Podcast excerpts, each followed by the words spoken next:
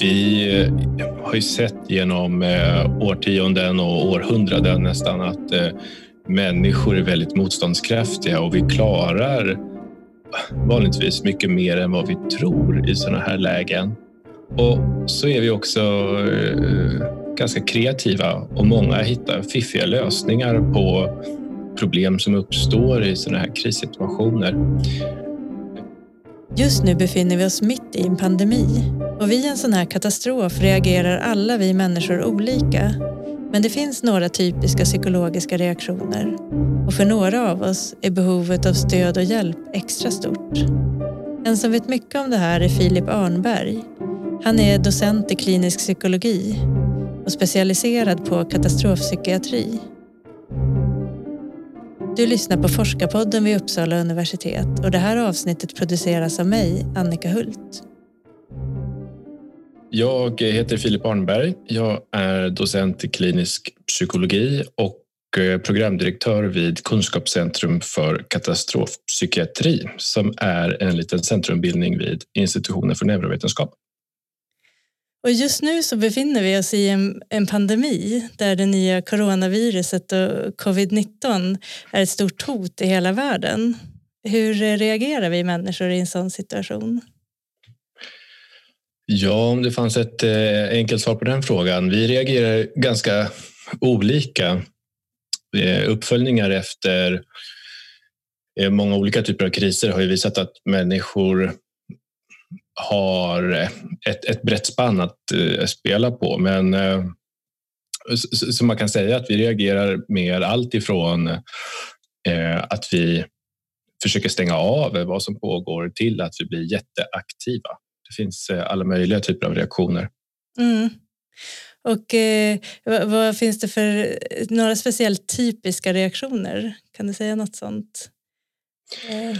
Ja, eh, jo men visst. Vi kan, eh, vi kan ju se att eh, det finns en del personer som eh, blir oroliga och rädda. Och det är ju för oss någonting helt naturligt som inte betyder att man håller på att bli knäpp eller att man inte klarar av situationen utan det, det är som ett eh, helt normalt svar på en onormal situation.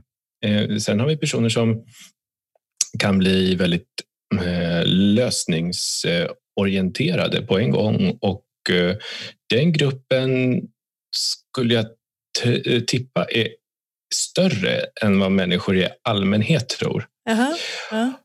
um, och sen så skulle jag säga att den här eh, gruppen med personer som får total panik, eh, den är i allmänhet mycket mindre än vad folk i gemen skulle gissa. Det är mm. lite min, eh, min känsla. Så vanligtvis så får folk mer eller mindre känslomässiga reaktioner och, och de gör mer eller mindre saker. Men eh, i, i största allmänhet så gör vi faktiskt saker som är bra för oss och det är ganska sällsynt med eh, den här eh, totalt panikslagna reaktionen. Mm. Så då be eh, behöver vi vara rädda då för människors reaktioner under den här pandemin? Är det någonting som eh, att det ska bli en så stor påfrestning att många människor slutar fungera normalt? Finns det en risk att, att det liksom blir lite nedbrytande för samhället? I nuläget så är det ingenting som jag tror är, är, är särskilt sannolikt utan eh, vi eh, har ju sett genom eh, årtionden och århundraden nästan att eh, människor är väldigt motståndskraftiga och vi klarar vanligtvis mycket mer än vad vi tror i sådana här lägen. Och så är vi också ganska kreativa och många hittar fiffiga lösningar på problem som uppstår i sådana här krissituationer. Sen finns det ju en liten en liten, en liten grupp, eh, men det är likväl en, en viktig grupp personer som eh, får mycket svår ängslan mm. och som verkligen eh, skakas om av den här typen av situationer. Och de ska vi givetvis hjälpa och, och försöka, eh, försöka lindra deras oro så gott vi kan. Men det är också väldigt viktigt att eh, veta om att den, den vanligaste reaktionen eller det, det vanligaste sättet att, att svara på den här typen av utmaningar är att göra ganska bra saker. Ja, vad kan det vara till exempel då? Eh, nej, som vi ser i, i den här situationen så är det ju många som har eh, försökt hjälpa andra, eh, som har försökt sprida tips om eh, hur man har hittat bra lösningar på att jobba hemifrån, hur man kan kanske träffa sina föräldrar, mor och farföräldrar utan att riskera smitta. Ehm, det finns jättemånga sådana exempel. Sen får man ha lite eh, vad ska vi säga, lite tålamod med att det kommer ju alltid att finnas en del personer som eh, skruvar upp volymen lite, lite väl mycket och kanske köper lite väl mycket toapapper till exempel. Ja. Um, så, så, att man kommer ju alltid se de där, de där extremerna, så att säga, svansarna på fördelningen. Alltså mm. personer som gör lite mer än, än vad som eh, de flesta gör. Men men ofta när man ser den typen av, av, av beteenden och, och, reaktioner så kan man på något sätt förstå att de är nog ganska rimliga. Bara det att det är lite för mycket av det ja. åt något håll. Att det skruvas upp lite grann då, så att ja. säga, det här ja. beteendet. Så de som drabbas av panik är egentligen inte så många som man tror då? Nej, eh, men det kommer lite an på vad man menar med panik. Och, och här får man väl tänka ett extra varv. Vad, vad är panik för någonting? Och eh, för mig som studerar personer i svåra situationer så är inte intensivt beteende lika med panik. Att någon springer eller att någon skriker betyder inte för mig att den personen är i panik utan det kan vara helt adekvata beteenden i, i just den situationen. Utan panik för mig är att man beter sig komplett irrationellt och gör saker som bara förvärrar det för en själv och andra. Mm. Och, och, och, den typen av beteenden, det är de jag menar eh, är, är ganska sällsynta. Mm. Och eh, hur är det då för de som redan lider av psykisk ohälsa när en sån här sak händer? Eh, är de särskilt sårbara då? För... Ja, alltså både, både och skulle jag säga. Det, Ehm, det har varit lite svårt att, se hur just den här pågående pandemin påverkar personer med psykisk ohälsa. Och det finns ju eh, anekdoter från olika personer som jobbar inom psykiatrin till exempel om att det finns en del som inte alls tycker att det här är liksom extra jobbigt jämfört med andra personer. Och Eh, så finns det andra som, som pekar på att det kanske är, är särskilt jobbigt. Och det verkar inte finnas något jättetydligt mönster just i den här situationen. Nej. Men det är klart att när vi tittar på tidigare eh, studier av andra typer av mycket allvarliga händelser som tsunamikatastrofen eller tågolyckor eller, eller, eller sådana traumatiska händelser, mm. då är ju tidigare psykisk ohälsa en, en indikation. Så, så, ja, det är en viss riskfaktor. Men, men, i den här situationen så är det lite det är svårt att säga. Mm. Är det något särskilt som vi ska tänka på då när det gäller våra egna psykologiska reaktioner? Ja, det finns ju många saker man kan, eh, man kan tänka på. Det, det ena, det, det, man kan börja med är väl att säga att eh, den, det, det, som jag nämnde tidigare, att oro och rädsla, eller, det, det, är ingenting som man behöver vara rädd för att man känner. Det betyder inte att man är eh, som sagt, det betyder inte att man håller på att hantera det här på ett dåligt sätt eller mm. att man är en svag person, utan det oro och rädsla är känslor som vår kropp använder för att göra oss uppmärksamma på potentiella faror. Mm. Och I en sån här situation så är det helt helt rimligt att man känner den typen av känslor. Det som är, är, är viktigt då i en sån här utdragen situation, det är att vi ser till att eh, hitta pauser mm. eh, så att vi får andrum och kan, eh, kan återhämta oss mellan varven. Mm. Ehm, det, det, det, är väl det som det är en av de kanske viktigaste punkterna så att det inte blir en enda evighetslång loop av nyheter, av rädsla, av karantän och hamstring utan att man får bryta sig loss från det där emellanåt och ladda batterierna. Mm. Göra något helt annat då? Göra någonting annat och, och stänga av eh, notiser och, och eh, eh, nyheter och inte prata om det kanske en stund utan koncentrera sig på att göra saker som man mår bra av. Mm. Eh, I sådana här lägen, när man, när man, känner sig utmattad eller när man känner sig trött, så en sak som många frestas av är ju att bara liksom lägga sig på sofflocket och, ja. och eh, scrolla i mobilen så där lite planlöst. Eh, och det kan ju kännas skönt i stunden, men det, vi, vi, får till en bättre återhämtning och vi kommer att må bättre om vi istället för att ta den där passiva vägen försöker att hitta någonting som faktiskt laddar batterierna snarare än att bara få en stund där vi inte tömmer dem lika mycket. Så det, det, det, är en sak som, som alla kan tänka på, att försöka ladda sina batterier och aktivt återhämta sig emellan.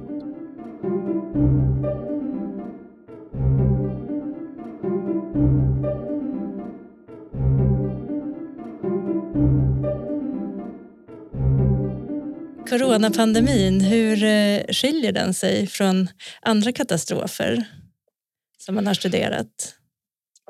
Det är lite svårt att säga tycker jag i det här läget för att nu är vi ju mitt uppe i den. Och vi vet ju eh, idag inte när slutpunkten eh, kommer att vara. När kan vi säga att, det, att det, den här krisen är över och att vi har eh, på något sätt hittat en balans igen. Men det står väl klart redan nu att eh, det här är en eh, händelse som, som liknar väldigt utdragna kriser ja. där det här, den stora påfrestningen på, på gruppen eller på samhället eh, handlar om en uthållighetsprövning. Ja.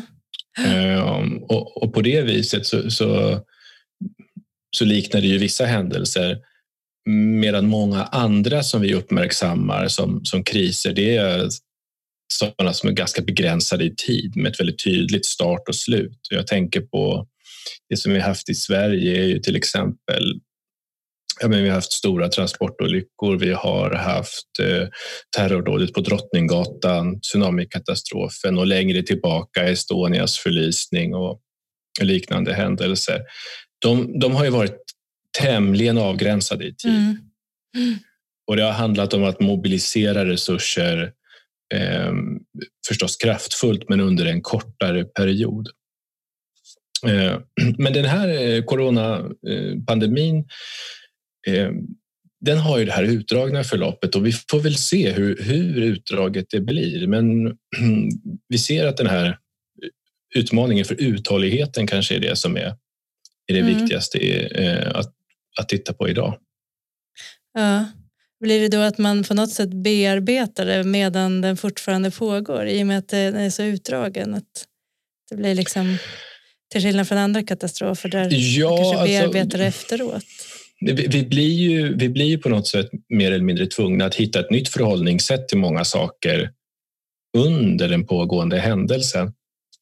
Eh, och på det viset så liknar det ju eh, den situation som personer kan befinna sig i om, det är, om de lever i någon typ av konfliktsituation där det finns, eh, där det finns någon typ av förhöjd risk mm. under en längre period.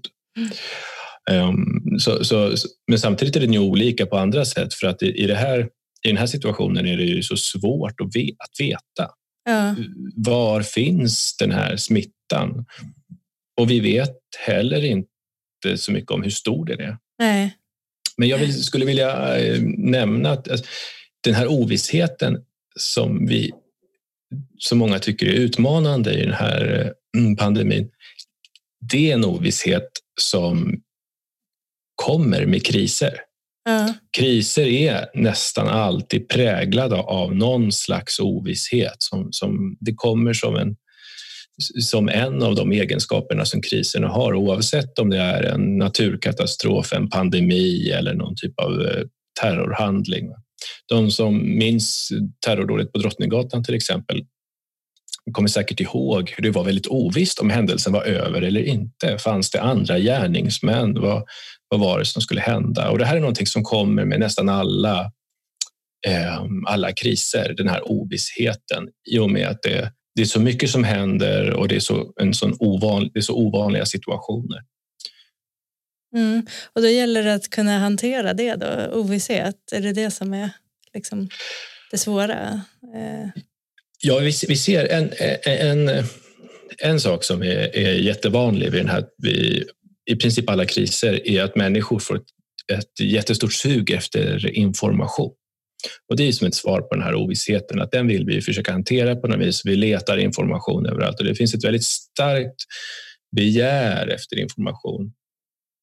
Och det är någonting som media försöker svara upp mot. Eh, och, och eh, människor letar till höger och vänster efter information om vad är det som händer nu? Vad kommer att hända härnäst? Eh, och, och, det blir väl på något sätt någonting som, vi, som de allra flesta gör för att lindra den här ovissheten. Och så pratar vi givetvis också jättemycket med eh, kollegor, närstående familj och vänner. Det, eh, jag menar, de, de, de privata samtalen idag är nog, är nog väldigt präglade av att prata om corona och ja. vem som gör vad och hur farligt är det här. Så att, man märker att den, det här, den här ovissheten det är någonting som är i, hos många i grunden ett oönskat tillstånd. Ja. Eh, och, och, här gäller det ju för myndigheter, för samhällen att svara upp mot begäret efter information. För det som man kan se som en risk i det är att om, om samhällsinstitutioner inte ger information i tillräcklig utsträckning så kommer människor söka sig efter informationen på, på annat håll. Mm. Så det uppstår då liksom något man kan kalla för ett informationsvakuum, en tomhet där.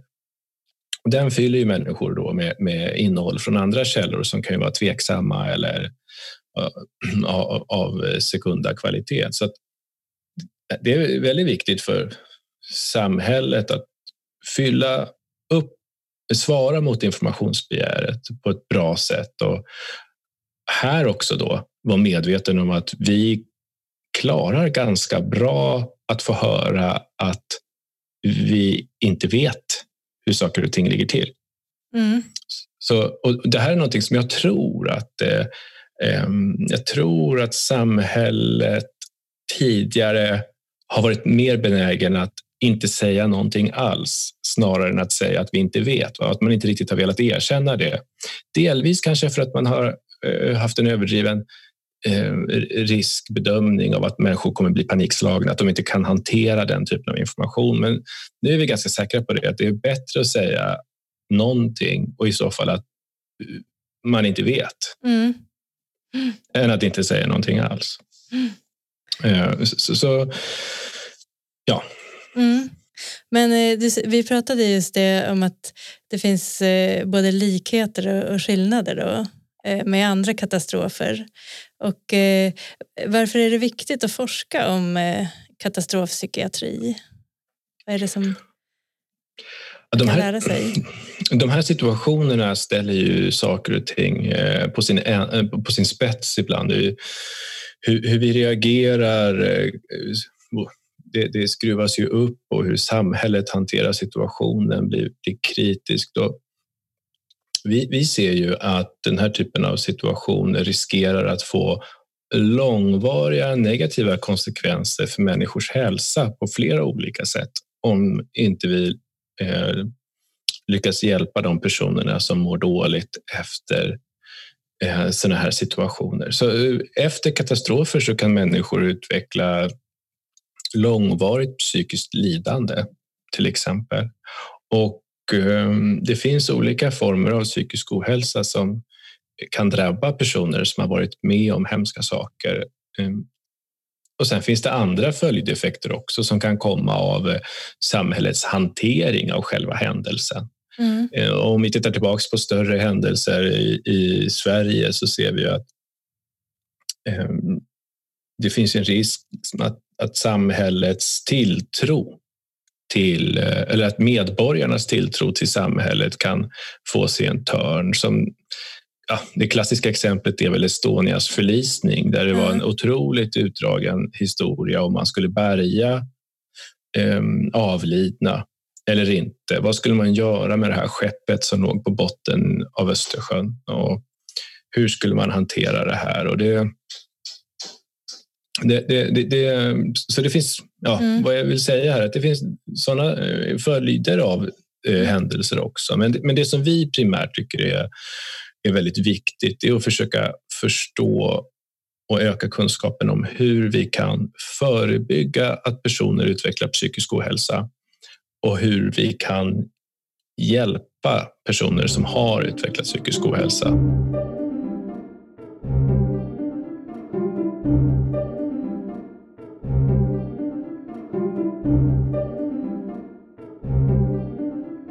Och hur går forskningen till så att säga när man forskar om sånt här? Det är på olika sätt kan jag tänka mig. Ja, vi kan säga att det finns, eh, det finns ju en huvudsaklig utmaning eh, i det här och det är att kriser och katastrofer inte anmäler i förväg när de ska inträffa. Eh, utan, utan de händer. Och vi som jobbar med att eh, studera eh, människors reaktioner efter sådana här händelser. Vi eh, har vanligtvis också andra uppdrag som, som gör att vi blir kanske vi behöver koncentrera oss på att hjälpa till i den nuvarande situationen. Så det är ganska svårt att planera studier som du kan starta väldigt kort efter en katastrof. Som det har sett ut historiskt så har det varit eh, ett fält som har präglats mycket av att lokala forskare har försökt att följa upp grupper av drabbade. Mm. Ehm, och det kanske har varit deras första undersökning i det här fältet. De kanske sysslat med någonting, någonting annat innan. Så, så under många år så, så har forskningen i, i, i det här fältet varit ganska, vad ska vi säga, upphackad. Det har varit mm. svårt att eh, jämföra utfall från olika katastrofer för att alla har gjort lite på sitt eget sätt. Sen har vi den andra eh, typen av forskning som handlar om att personer försöker att framkalla lite liknande känslor som drabbade får i kriser, fast mm. i, i labbet, då, mm. i, i, i någon typ av experiment. Eh, och där kunna ha en experimentell procedur där man kan laborera med vad man gör med de olika deltagarna. Mm. Och då kan det handla om att man visar en hemsk film till exempel eller att man, man, man, berättar en jättehemsk historia. Men på, något, på, på lite olika sätt försöker att framkalla känslor som kanske lite liknar det som finns vid, vid, vid verkliga händelser. Den typen av studier har, har mycket mer kontroll och eh, eh kan ge vissa svar på ett bättre sätt än, än de här naturalistiska uppföljningarna. Men det finns alltid den här, eh, de här, det här tvivlet inför hur, hur hur giltiga är den här exponeringen? Att titta på en hemsk film, det är ju inte som i verkligheten. Nej. Så det är egentligen två, man kan se det som två fåror här. Det ena är då de, de, de eh, uppföljningarna som görs ute efter katastrofer. De kommer vanligtvis igång ganska sent. Man missar hur, hur utvecklingen har varit under den första tiden. Och de studierna har varit ganska disparata och eh, de har haft svårt att följa upp folk över en längre tid till exempel. Och så har vi de andra experimentella studierna som kan ge eh, svar på andra frågor och är väldigt intressanta. Men där den här externa validiteten som vi säger, hur giltiga de är utanför labbet, den, den, den skaver lite grann. Ja, ja precis. Ja, och eh, du är ju eh, programdirektör vid Kunskapscentrum för katastrofpsykiatri. Hur länge har det här kunskapscentret funnits? Ja, Kunskapscentrum för katastrofpsykiatri eh, grundades 2002 och det var bland annat en, en slutsats i den offentliga utredningen Lära av Estonia mm. som bidrog till eh, det här kunskapscentret. Så vi är ett av ett par stycken kunskapscentrum mm. Eh, som eh, finansieras till del av Socialstyrelsen. Ja. Och närmare bestämt Socialstyrelsens enhet för krisberedskap. Och vad den här utredningen efter Estonia nämnde var ju det att det vore ju väldigt bra med någon typ av resurs som såg till att upprätthålla kompetens och sprida kunskap i landet för att, för att förbättra vår krisberedskap däremellan de stora katastroferna. För intresset för vårt fält det går verkligen upp och ner. Mm.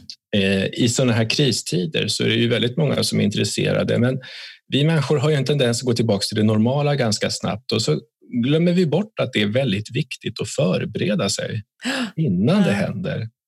Så det är lite därför vi finns, att vi ska även i lugna tider fortsätta att utbilda, att utveckla kunskap eh, och hjälpa till att förbereda så att när vi hamnar i en kris så har personer kunskap och kan använda sig av den um, i, i det läget där. Då. Mm.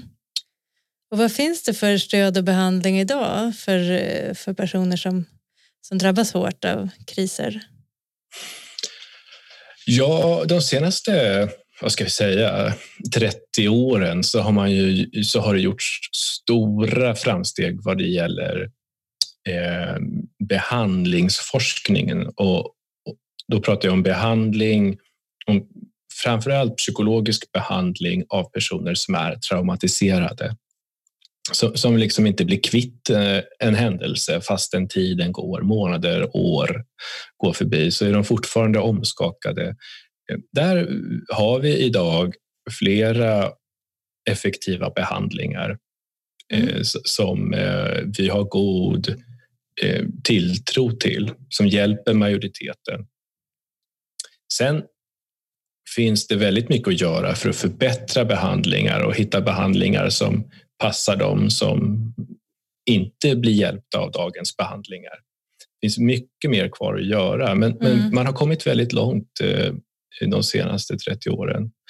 Mm. Vad det gäller tidiga insatser däremot, vad ska man göra under den akuta fasen i ett tidigt skede? Ja, där har vi inte kommit så långt som man skulle hoppas. Och det har ju att göra med att det är väldigt svårt att studera på ett verklighetstroget sätt.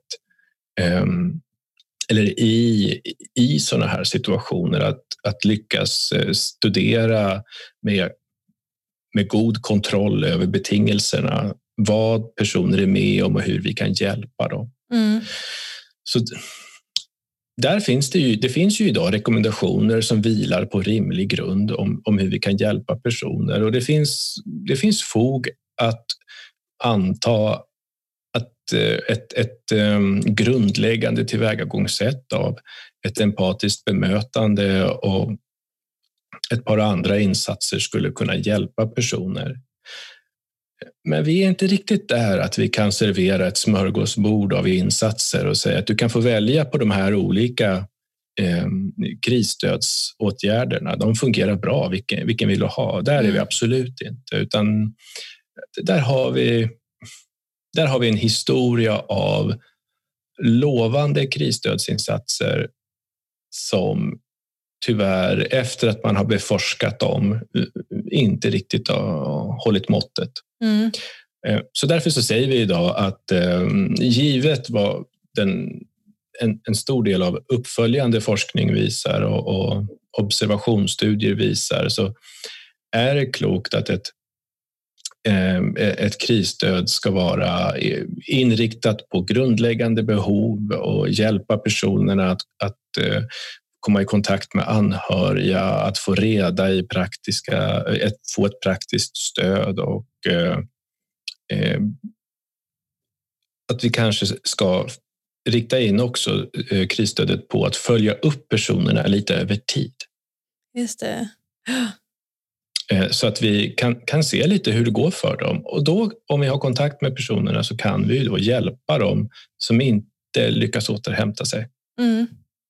Vi har två studier på gång nu som tittar på eh, ganska tidiga insatser där vi med hjälp av eh, en mobilapp försöker att hjälpa personer med lin, lindriga besvär mm. och sen en eh, studie där vi via internet försöker hjälpa personer väldigt tidigt. Ehm, så, mm. så det pågår forskning. Det, det, det, gör det verkligen. Det är ett livaktigt område. Ja, och, och eh, hur är det i Sverige jämfört med andra länder när det gäller sånt här krisberedskap och eh, stöd till de som behöver? Ja, eh, rent form, formellt så skulle jag säga att Sverige utmärker sig genom att vi vi har bestämt att i varje kommun ska det finnas en grupp Eh, personer som är redo för att ge psykosocialt omhändertagande och psykosocialt stöd om det händer en, eh,